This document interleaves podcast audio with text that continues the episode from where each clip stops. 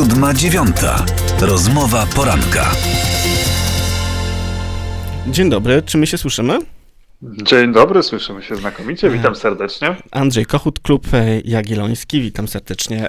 Porozmawiamy o mediach, porozmawiamy o mediach w Stanach Zjednoczonych, bo zdaje się, że w Stanach Zjednoczonych media odgrywają rolę niebagatelną, odgrywają rolę e, niemalże czwartej władzy. To myślę, że podobnie jak e, w Polsce to nie jest aż taka e, odmienna rola. E, natomiast no tak, myślę, że myślę, że one też w jakiś sposób kreują ten dzisiejszy świat polityczny bardzo w Stanach Zjednoczonych podzielony.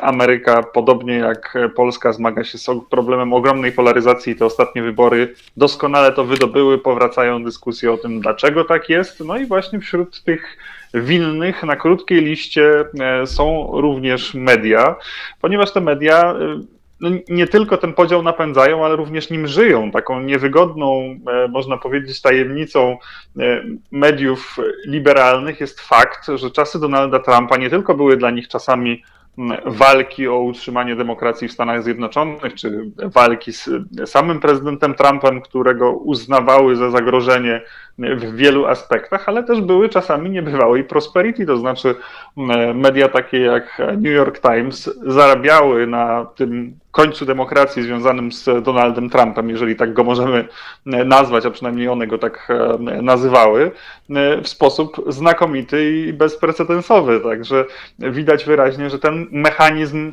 wyraźnie amerykańskim mediom służy. Mm, czyli co, możemy mówić, że w mediach amerykańskich mamy dzisiaj podobny, e, niemalże polaryzacyjny podział, jaki zaczynamy obserwować chociażby w Polsce? No myślę, że tak. W Stanach Zjednoczonych e, ten podział e, sięga jeszcze końca lat 80., bo do lat 80.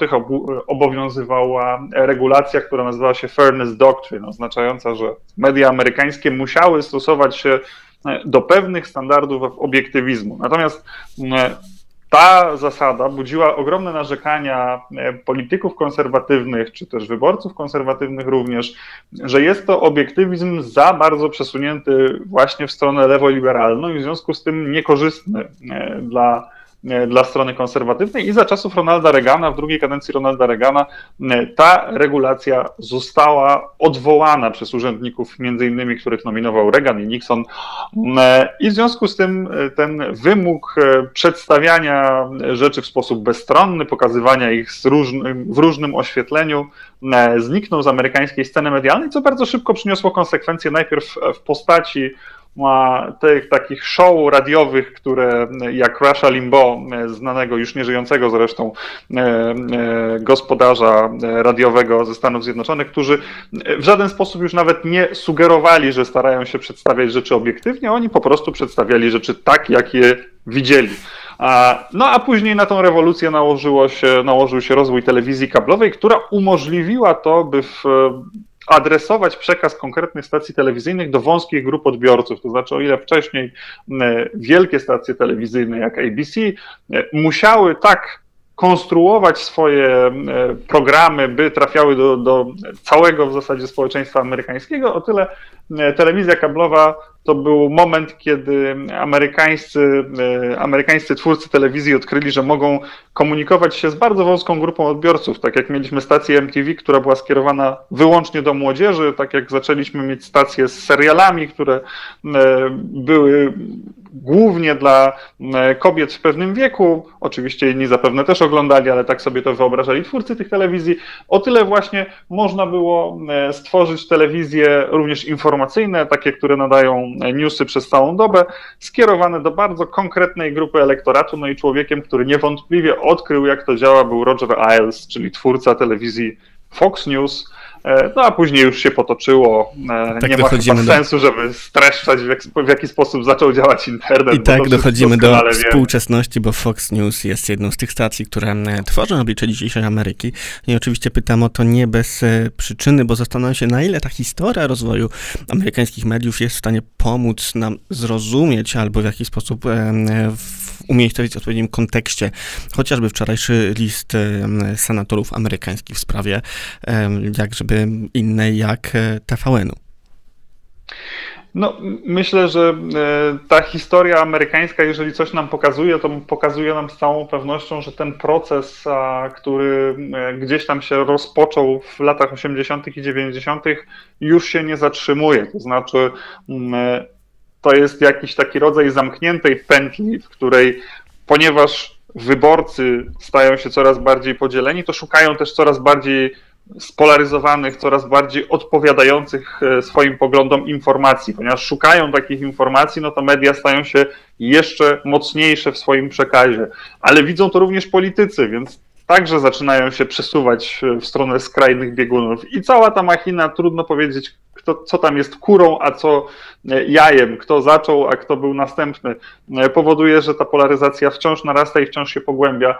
Dla mnie takim bardzo symbolicznym momentem była decyzja stacji Fox News mm, z jesieni tego roku, kiedy mieliśmy do czynienia z wyborami, z jesieni poprzedniego roku oczywiście, kiedy, kiedy mieliśmy do czynienia z wyborami w Stanach Zjednoczonych, a Fox News e, nie przyjęło e, tej linii Donalda Trumpa o tym, że wybory zostały sfałszowane, starało się pokazywać, że nie ma na to E, większych dowodów i wtedy nagle, na krótki czas oczywiście, e, publiczność, widzowie Fox News, największej w końcu stacji informacyjnej w Stanach Zjednoczonych, odwrócili się od niej w kierunku alternatywnych, do tej pory mniej znanych stacji e, informacyjnych, jak, jak OAN, jak, jak Newsmax, bo właśnie te stacje przedstawiały dużo bardziej radykalny przekaz, dużo bliższy temu, co chciał powiedzieć Donald Trump, inaczej niż Fox News.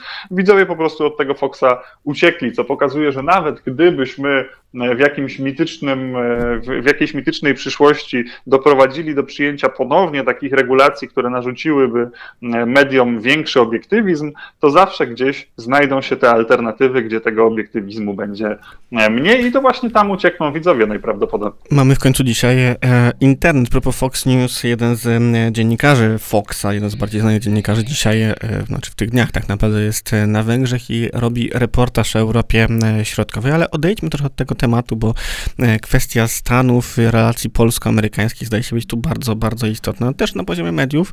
E, ten wczorajszy list, którego autorką jest e, senator Jen Shahen, szefowa podkomisji do Europy w Komisji Spraw Zagranicznych, no jest kolejnym takim listem. Jednocześnie wczoraj czytaliśmy chociażby doniesienia medialne o tym, że w polskim rządzie jest wyłącznie jedna osoba, z którą dzisiaj Amerykanie rozmawiają.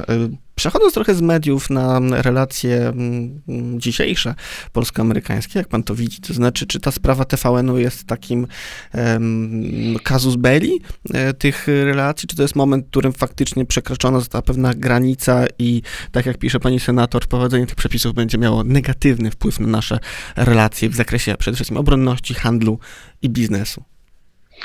No myślę, że trwa tutaj jakaś e, próba e, przeciągania liny. Trudno mi powiedzieć, jaka była inspiracja e, obozu rządzącego, by w ten sposób za sprawę TVN-u się zabrać. Natomiast no, istnieje pewne podejrzenie, że te, tak, tak, taki sposób wyjaśnienia sprawy tej telewizji jest jednak próbą wysłania pewnego sygnału do Amerykanów, sygnału niezadowolenia, ale też pokazania, że Polska potrafi grać ostro wtedy, kiedy, kiedy z drugiej strony nie, do, nie otrzymuje tego, co oczekuje, bo jednak te, te relacje pomiędzy polskim rządem a administracją Joe Bidena są dużo chłodniejsze niż te, które mieliśmy w czasach Donalda Trumpa. Dla Amerykanów to na pewno jest bardzo poważny sygnał, bo e, mimo tego, że e, prasa polskiego rządu e, nie była najlepsza, zwłaszcza jeżeli chodzi o tą prasę liberalną, jeżeli chodzi właśnie o partię demokratyczną rządzącą za sprawą do Bidena, a no to jednak do tej pory Amerykanie nie mieli takiego jednoznacznego sygnału, jednoznacznego przykładu, na który mogliby wskazywać, mówiąc, w Polsce źle się dzieje. Tam naprawdę e, wszystkie te zagrożenia demokracji, wszystkie te e, sygnały świadczące o tym, że mamy w Europie Środkowej kraje zmierzające do autorytaryzmu, e, czy cokolwiek tam innego w, w amerykańskich mediach się pojawiały, nie, nie miało aż tak mocnej podstawy, jak to, co się właśnie wydarzyło za sprawą tej ostatniej sytuacji z telewizją TVN, gdzie amerykańscy politycy i amerykańscy komentatorzy mogą pokazywać, zobaczcie, tam rzeczywiście dochodzi do próby przejęcia niezależnych mediów pod płaszczykiem zmiany jakiejś tam ustawy. No to jest, to jest dla Polski bardzo niebezpieczny moment, bo to jest raz potwierdzenie e, tych wszystkich lęków, które amerykańscy liberałowie od dłuższego czasu posiadają, patrząc na to, co się dzieje w Polsce, a dwa, to jest jednak uderzenie e, w amerykański biznes, tak rozumiem e, te zdanie z tego listu o, o, zagrożeniach płynących dla handlu, ponieważ do tej pory amerykański biznes robiący przecież interesy w Polsce mógł podchodzić do tych wszelkich rewelacji, myśląc, że trochę go to nie dotyczy, to znaczy rzeczywiście być może jeżeli któryś z tych biznesmenów miał bardziej liberalne poglądy, mógł patrzeć z niepokojem na informację o tym, że polski rząd nie chce gdzieś tam wywiesić tęczowej flagi, ale z drugiej strony myślał sobie ten biznesmen, to mojemu biznesowi bezpośrednio nie szkodzi. To jest stabilny kraj, gdzie prawo jest przewidywalne, gdzie sądy działają sprawnie, mogę tam realizować e, swoje interesy. W momencie, kiedy się okazuje, że rząd dla swoich, dla swoich jakichś partykularnych interesów zaczyna naruszać tą swobodę amerykańskiego biznesu w Polsce, a trochę tak e, jest w przypadku koncernu Discovery, e, no to tej pewności już nie ma. Amerykański biznes będzie patrzył dużo bardziej ostrożnie na to, e, co się dzieje w Polsce, być może rozważając, czy nie przenieść swoich inwestycji do jakiegoś innego kraju, gdzie czeka większy spokój. W związku z tym no, to jest na dwóch poziomach e, bardzo niebezpieczny dla Polski moment. Zobaczymy, w jaki sposób ta sprawa się wyjaśni w najbliższej przyszłości. To na zakończenie um, ostatnie pytanie tak naprawdę naszej rozmowy propos tego niebezpiecznego momentu, bo z drugiej strony e, wczoraj Biały ogłosił już zdaje się oficjalnie, że ambasadorem USA w Polsce zostanie Mark Brzeziński. E, ta informacja bardzo późno wczorajszego wieczora obiegła Polskę. Pierwsze podają Gazeta Wyborcza o 22.55. E, czy możemy sądzić, że to jest zakończenie tej kwestii braku ambasadora USA w Polsce? Czy to faktycznie jest tak, że Mark Brzeziński tym ambasadorem zostanie i te relacje chociaż trochę wrócą na dawne tory? No ja muszę e, w tym miejscu zaznaczyć, że też e, pamiętajmy, e, że troszeczkę rozdmuchiwaliśmy tą kwestię braku ambasadora w Polsce, mam na myśli polskie media, ponieważ to nie było aż tak nadzwyczajne, jak mogłoby się wydawać. Ta procedura wysyłania ambasadorów na placówki przez nowego prezydenta zawsze trochę trwa. W tym wypadku Biden miał też inne priorytety na początku swojej prezydentury, więc wcale nie było aż tak dużego opóźnienia ze strony amerykańskiej i, nie odczytywałbym tego absolutnie jako jakiegoś sygnału e, niechęci. E, natomiast e, no, z drugiej strony później była ta kwestia dotycząca obywatelstwa pana Brzezińskiego, która też wymagała, jak rozumiem, wyjaśnienia. Kwestia zdaje się czysto formalna, ale jednak kłopotliwa dla obydwu stron. To, że Biden oficjalnie ogłosił Brzezińskiego jako ambasadora, jako kandydata na ambasadora w Polsce, wskazuje, że chyba ten problem formalny udało się zażegnać. To jest oczywiście bardzo e, pozytywne.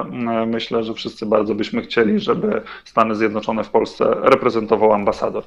Bardzo, bardzo dziękuję za tę rozmowę. Mam nadzieję, że usłyszymy się jeszcze nie raz w kontekście tych spraw amerykańskich. Andrzej Kochut, Klub Jagielloński był moim i Państwa gościem. Dziękuję, do usłyszenia. Ja również bardzo dziękuję za rozmowę, do usłyszenia. Siódma dziewiąta. Rozmowa poranka.